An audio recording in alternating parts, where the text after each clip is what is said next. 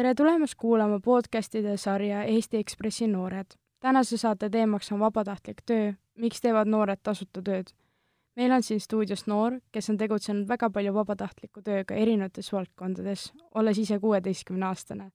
tere tulemast, Triin Sooäär. Triin, kui sa peaksid ennast äh, võtma paari lausega enda kogemused kokku, siis kuidas sa ennast kirjeldaksid? Kõigepealt suur aitäh saatesse kutsumast, mul on väga suur rõõm avameelselt jagada seda, mis on vabatahtlik töö ja mis on ka kogemused, mis sellega kaasnevad, ja kui ma peaksin paari lausega selle kõige kokku võtma, siis tegelikult tähendab vabatahtlik töö minu jaoks erinevaid organisatsioone, mis on mind kujundanud, sealhulgas sõpru, paljusid uusi tuttavaid, eesmärke, mis on püstitatud ja ka saavutatud, ja suhtumist, et kui miski on võimatu, siis tegelikult on kõik võimalik jaa, kindlasti seda kõike, aga uuringud ühe, ütlevad, et äh, vabatahtlikuna tegutseb Eestis kakskümmend üks kuni kolmkümmend protsenti inimestest ja mitteteadlikult teeb seda veel seitseteist protsenti elanikest. mis sa arvad, kas vabatahtlik töö sobib üldse kõigile? ma olen hästi seda meelt, et tegelikult sobib küll. ja miks? sest et tegelikult on see otsetee selleks, et sa saaksid areneda ükskõik kuidas, ükskõik mismoodi ja vabatahtlik töö annab suurepärase võimaluse areneda just endale sobivas valdkonnas, spordiüritustel, muusikaüritustel, organisatsioonides ja kõike muud.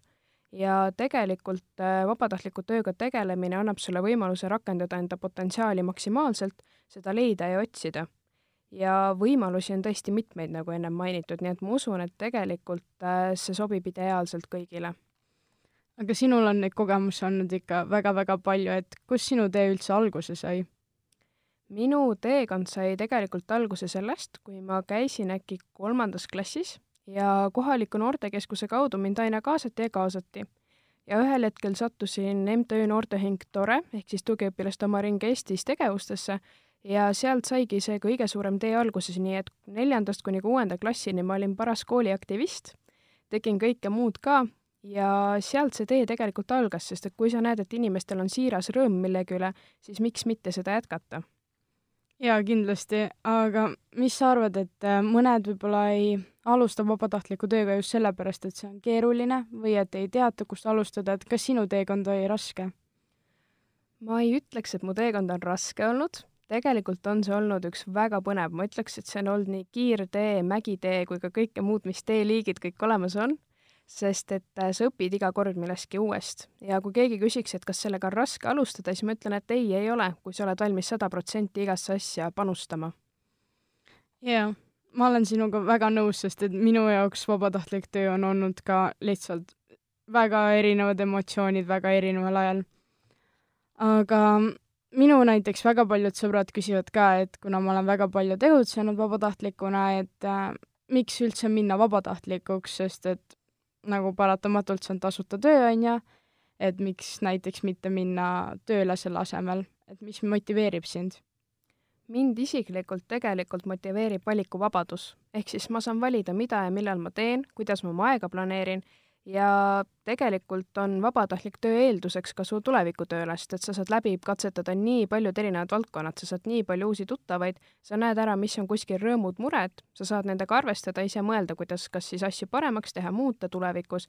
nii et ma usun, et tegelikult motiveeribki see siiras tahe. ja inimsuhted on ka üks asi, mis äh, ma usun, et sa võid ju rahalist tööd teha, sa võid käia autosid putitamas ja kõike muud aga kui sa tegelikult tunned, et seal ei ole sinu inimesed, siis vabandust, milleks oma elu kulutada? jaa, see on väga-väga hea point äh,. aga kui me räägime vabatahtlikust tööst, et see arendab väga-väga palju, et äh, kas see on sind aidanud kuidagi enda unistustele lähemale?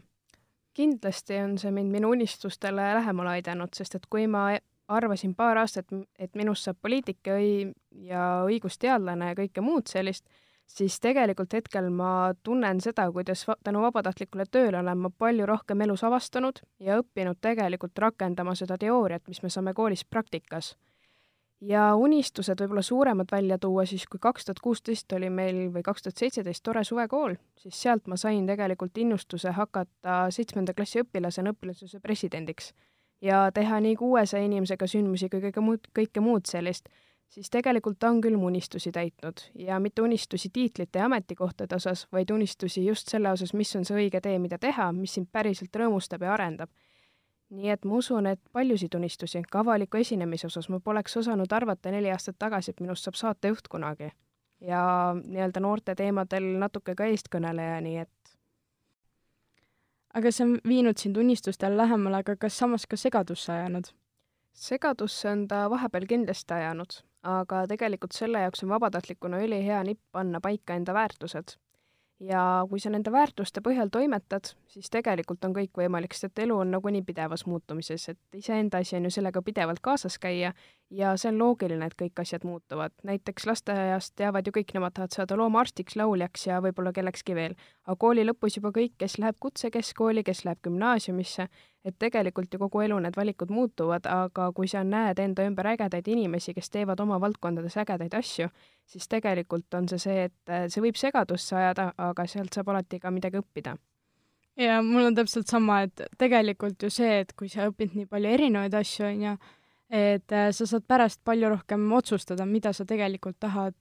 mm, kas või tööl teha. just.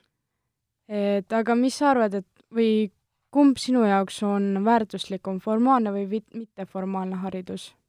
ma usun, et äh, tegelikult on nad mõlemad väärtuslikud ja kaalukausil ma neid ei oskaks asetada, et kumb on nüüd seitsekümmend või kumb on kolmkümmend protsenti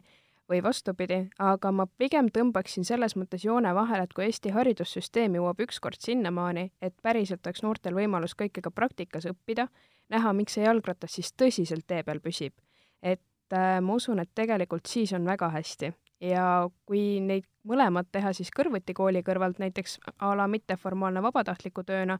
siis kõik on võimalik ja tegelikult sa saad nüüd iseenda elus täiesti tasakaalu viia, et alati võib vinguda ja viriseda, aga üks teine hea nipp on ise muuta midagi iseenda jaoks. ja täpselt, et noorte seas on ka väga palju seda, et vingutakse, et see koolitund on nii igav või et äh, õpetajad ei oska õpetada, aga samas, miks minna näiteks direktori juurde ja öeldagi, et ma tahan ise katsetada no just täpselt ja tegelikult lahendusi õpetajatele pakkuda on nende jaoks suurim kingitus, kui nad näevad, et õpilased ise näevad, mida võiks teisiti teha ja neile tagasisidet annavad. nii et sellest võidavad kõik, kui te vaid julgete oma soove kõva häälega välja öelda. jaa, absoluutselt. aga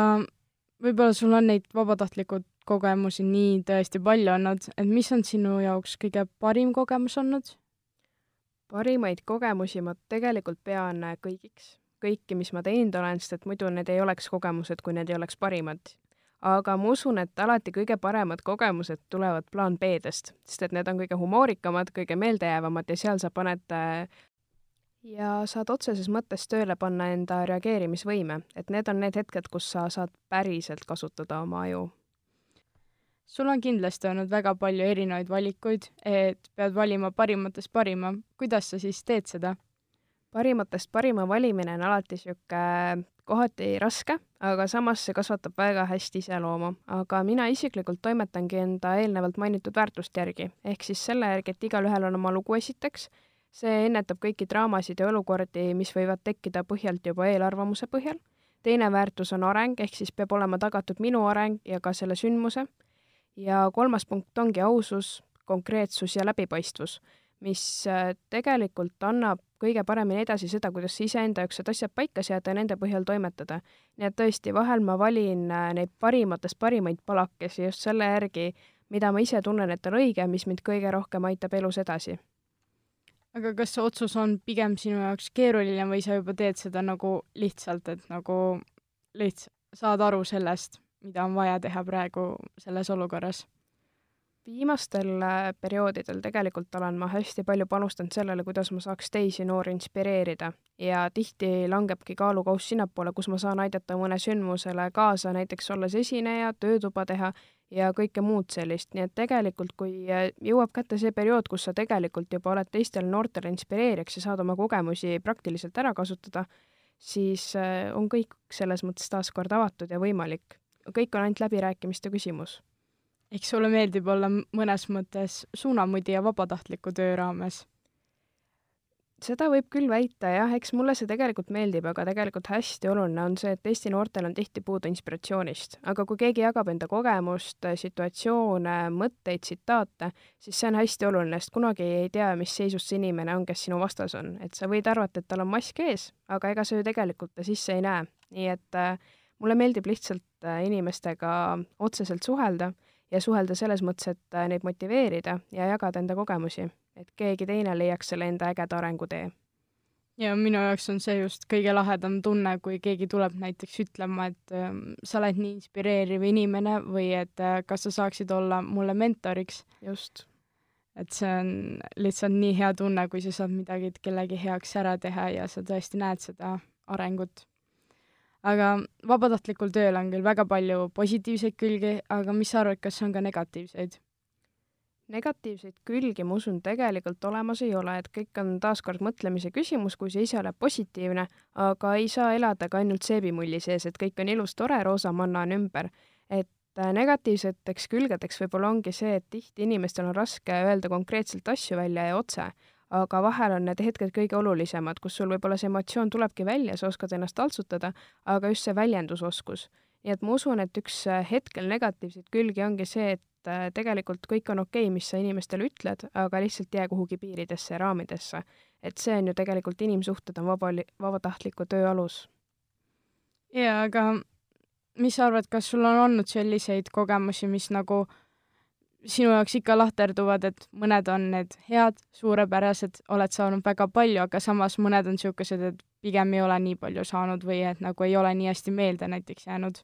et mis see võib olla, mida see põhjustab või miks see tuleb niimoodi?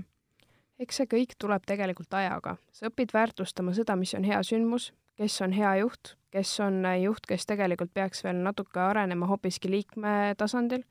et kõik need aspektid, aspektid kokku panna, siis äh, võibki see tulemus tulla, et sa hakkad iseenda jaoks mõtlema, mis on parem, mis veel parem, aga hästi palju aitab niisugune asi nagu edifikeerimine, ehk siis positiivne vastand klatsile ja kui sa kõva häälega tunnustad seda, mida teised kõik teevad, siis see aitab iseennast edasi ja see aitab poole paremini vastandada neid asju, mis on halb või mis on hea. et pigem tuua kõiki positiivselt esile ja juhtida tähelepanu arengukohtadele. Ja see on väga hea point, mille sa oled välja toonud, et äh, mina ka näiteks äh, sündmuse lõppedes annan äh, noortele niisuguse väikese tänukirja ja siis kinkekoti ja see jääb neile nii hästi meelde, et oh, nad saavad midagi, on ju, ja samas nad on öelnud ka, et need kirjad on väga niisugust südamlikud ja ma toon just selle ka välja, et näiteks, et kas sa võiksid järgmine kord võtta juba juhi positsiooni, et siis see paneb neid ka mõtlema, et võib-olla saaks kuskile areneda. Just täpselt ja tegelikult hästi oluline on ka, kui keegi näiteks käib noortesündmustel esinemas neile pärast seda hiljem kirjutada kas Messengeris, Gmaili teel, kus iganes, positiivne või tagasiside, mis üldse meelde jäi. ja mitte see klassikaline olid nii tubli, armas ja nii edasi, vaid just otse südamest südamesse, mis asjad puudutasid kõige enam. aga sa oled nüüd ka juhtinud mitut organisatsiooni, et kas sinu jaoks on juhtimine hirmutav? minu jaoks juhtimine otseselt ei ole hirmutav, kuna ma sain otse õpilasündmuse presidendiks ja ma ei olnud liikme staatuses olnud, seega mul on tihti raske ennast panna liikme rolli, sest et juhina ma olen täielik visionäär, süsteemide ehitaja ja pigem see, kes teeb ideid ellu, kui see, kes äh, räägib kuskil laua taga ainult. ja ma usun, et juhina see ei ole tegelikult raske, kui sa ise tahad sellesse panustada, kui sul on kindel eesmärk ja visioon kui sul ei ole enda kindlat eesmärki ja visiooni, siis pigem anna see võimalus kellelegi teisele, vaata, kuidas teised teevad kogu inspiratsiooni ja motivatsiooni. et see juhiks olemine on tegelikult ideaalne viis ka enesearenguks, sest et sina saad aidata kõiki teisi edasi arendada. jaa, minu jaoks on just veidi võib-olla ju-, nagu juhtimine ei ole keeruline, aga just see, et ma tahan väga palju ise ära teha, kuigi ma peaksin need ülesanded jagama teistele et kuidas sa neid ülesandeid niimoodi jagad, et kõik leiaksid endale sobiva ülesande ja kindlasti selle ära teeksid, sest paratamatult noored äh, unustavad vahepeal asju? see ülesannete jagamine on üldse niisugune pool, et juhina sa õpid seda täiesti tegelikult kogu aeg, lihtsalt kogu aeg ja tegelikult, kui sa oled juht, sa oled samal ajal täielik õpetaja. et kui võib tunduda lihtne Excelis üks tabel kokku teha, kus sul ainult osalejate nimed, siis kellegi jaoks võib olla see raske ja olles juht tegelikult kõige rohkem kasvatab see mõistmist ja inimeseks olemist ja hoolimist. et kõik need õpetamismeetodid ja muu selline, nii et ma usun, et tegelikult äh, see ülesannete jagamine ja see pool on puhtalt hoolimine ja muu selline, et kui palju sa hoolid sellest, et teine inimene ise midagi teeks ja ta tunneks, et ta on meeskonnas oluline? aga vabatahtlik töö paratamatult äh, võtab väga-väga palju aega, et kuidas äh, võib-olla vältida läbipõlemist või vältida seda, et sa võtad liiga palju ja lõpuks ei suuda mitte midagi ära teha? läbipõlemine on üldse niisugune hästi huvitav teema, et kuidas seda üldse defineerida. on inimesi, kes võivad sulle teatud eluperioodil kogu aeg öelda, et maga rohkem, maga rohkem, maga rohkem. eks see ole tõsi, aga sel hetkel sa ju tegelikult mõtled seda, et kas see inimene on ise need asjad läbi elanud, kas ta teab, kui sul on ikka motivatsioon siis suur, siis tegelikult on hoog sees. aga läbipõlemise, mis võib-olla on kõige paremad nipid olnud, ongi see, et äh, jagad oma elu võib-olla kolme sektorisse, kool, siis on töö, nii-öelda siis need vabatahtliku töö asjad ja eraelu. ja kui sa neid kolme hoiad tasakaalus ja vaatad, millal miski domineerib ja pärast lihtsalt nii-öelda tekitad selle aja tagasi, siis samamoodi on taaskord ju kõik võimalik, aga hästi oluline on jääda alati iseendaks ja mitte hüpata üle oma varju, aga mõelda alati enda varjust kaugemale. Oscar Wilde on ülihästi tegelikult öelnud, et ole sina ise, kõik teised on juba võetud. Jaa, täpselt. minu jaoks ka algul oli see niisugune äh, aja planeerimine võib-olla keeruline, et kogu aeg tuli uk-, uksest, aknast äh, kõiki äh, pakkumisi, aga samas ma ei tahtnud mitte millegile ei öelda, sest et kõik olid nii head pakkumised. aga samas mingil hetkel ma sain aru, et kui ma niimoodi jätkan, siis ma põlen läbi, sest et lihtsalt seda aega ei olnud mitte kuskilt võtta, paratamatult meil kõigil on kakskümmend neli tundi ja me ei saa seda kuskilt juurde. just, hästi on öelnud Tama Vahemets, et äh, kakskümmend neli tundi on meil kõigil, mõni ei saa iseendagagi hakkama ja mõni juhib riiki. Et tegelikult äh, ongi täpselt see aja teema, kuidas sa ise jaotad, eks see ongi see piiride kompimine, et vigadest õppimine, ma usun, kõige olulisem selle kõige juures. ja enesearengule ikkagi see fookuse panemine, et see on ju tegelikult igas nii-öelda sektoris hästi oluline. kui sa ise ei arene, siis ühel hetkel sa jääd lihtsalt ajale jalgu ja kogemuslugude lugemine on tegelikult äh, mitte ainult inspireeriv, vaid sealt ongi võimalus päriselt teiste kogemustest õppida ilma ise läbi tegemata ma arvan, me mõlemad oleme tundnud ka seda, et mingil hetkel noored on vabatahtliku töö tegijad, aga samas siis nad juba lähevad välja, kas või lähevad ülikooli ja siis nad ei ole seda. et kuna vabatahtlik töö on peamiselt ikkagi huvipõhine, et mis sa arvad, kui palju või kui kaua noortel seda huvi jätkub, seda teha üldse? ma usun, et tegelikult noorte huvi ei rauge, see tegelikult aina suureneb, sest nii palju, kui mina nüüd olen paari aasta jooksul saanud seda protsessi jälgida, siis noored aina enam mõistavad, et vabatahtlik töö on väga hea viis praktiseerida koolis saadud teooriat. ja tegelikult äh, lõiming päris eluga on hästi oluline selle kõige juures, aga ma usun, et tegelikult, et see ei raugeks, peaks äh, muutuma suhtumine, et me ei teeks ainult lastele ega noortele, vaid ma tee-, et me teeksime seda koos laste ja noortega nii et kui see teadmine nüüd paari aasta jooksul jõuaks kõikidesse ametkondadesse, organisatsioonidesse ja seda päriselt tehtaks, see noorte kaasamine on olnud ju meeletult kaua pikk protsess, aga et sellega ka tulemusteni jõuda, et ma usun, et noorte vaim ei rauge, kui neile vaid antakse võimalusi proovida aga samas tihti need võimalused on äh, näiteks kooliajast, et minu puhul oli tihti üritused või kohtumised just kooliajast, et kuidas koolid suhtuvad sellesse? Koolide osas siis mina näiteks enda kooli väiten, võin seda öelda, et äh, kuigi mind koolis väga palju näha ei olnud, kui noh, tegin hästi palju üritusi, igal pool kogu aeg olin, siis mina lõpetasin näiteks üheksanda klassi kiitusega ja hästi palju on taaskord õpetajatega kokkulepete küsimus. võib-olla see asi, kui sa saadad kuhugi sponsorluskirju, läheb selle alla, mis te kirjanduses peaksite muidu kirjandit kirjutama, et sa ju päriselt, sul on vaja elus neid sponsorluskirju kindlasti kuskil saata, olgu nad siis meilid, vormistused, kõik muu see teema ja õige kiri eelkõige. et tegelikult äh, ma usun, et koolid suhtuvad üsna hästi, loomulikult on erinevaid koole, aga siis ongi väga hea arengukoht teha teavitustööd ja võib-olla pidada üldse läbirääkimisi, et näiteks meie koolis oli valikainena äh, vabatahtlik töö, et sa pididki kuskil organisatsioonis tegema ja mitmed jäid pärast äh, sinna organisatsiooni, jäidki vabatahtlikuks. just, ja tegelikult nii palju, kui sa kuskil vabatahtlikuna panustad, nii palju sa suhtled eakaaslastega, näiteks gümnaasiumite puhul on see ideaalne reklaam, olgem ausad. et ma usun, et see koolide suhtumine, kus ei ole veel perfektne, saab varsti perfektseks jaa, aga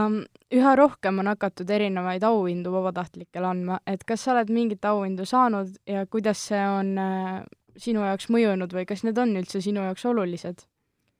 auhindu olen saanud küll, tõsi, kõik olümpiaadide kohad ja muud sellised, neid ma pean lihtsalt nii-öelda sinna koolisektorisse, aga konkreetselt äh, vabatahtliku töö asjade osas siis olen saanud küll, tore MTÜ Noorteühing Tore siis, tugiõpilase eeskuju olin kaks tuhat kaheksateist, kui ma ei eksi, või kaks tuhat üheksateist, ja Järvamaa aasta noore või aktiivse noore siis äh, nominent olin ma kaks tuhat seitseteist, kaks tuhat kaheksateist, kaks tuhat üheksateist olin siis lõpuks laureaat.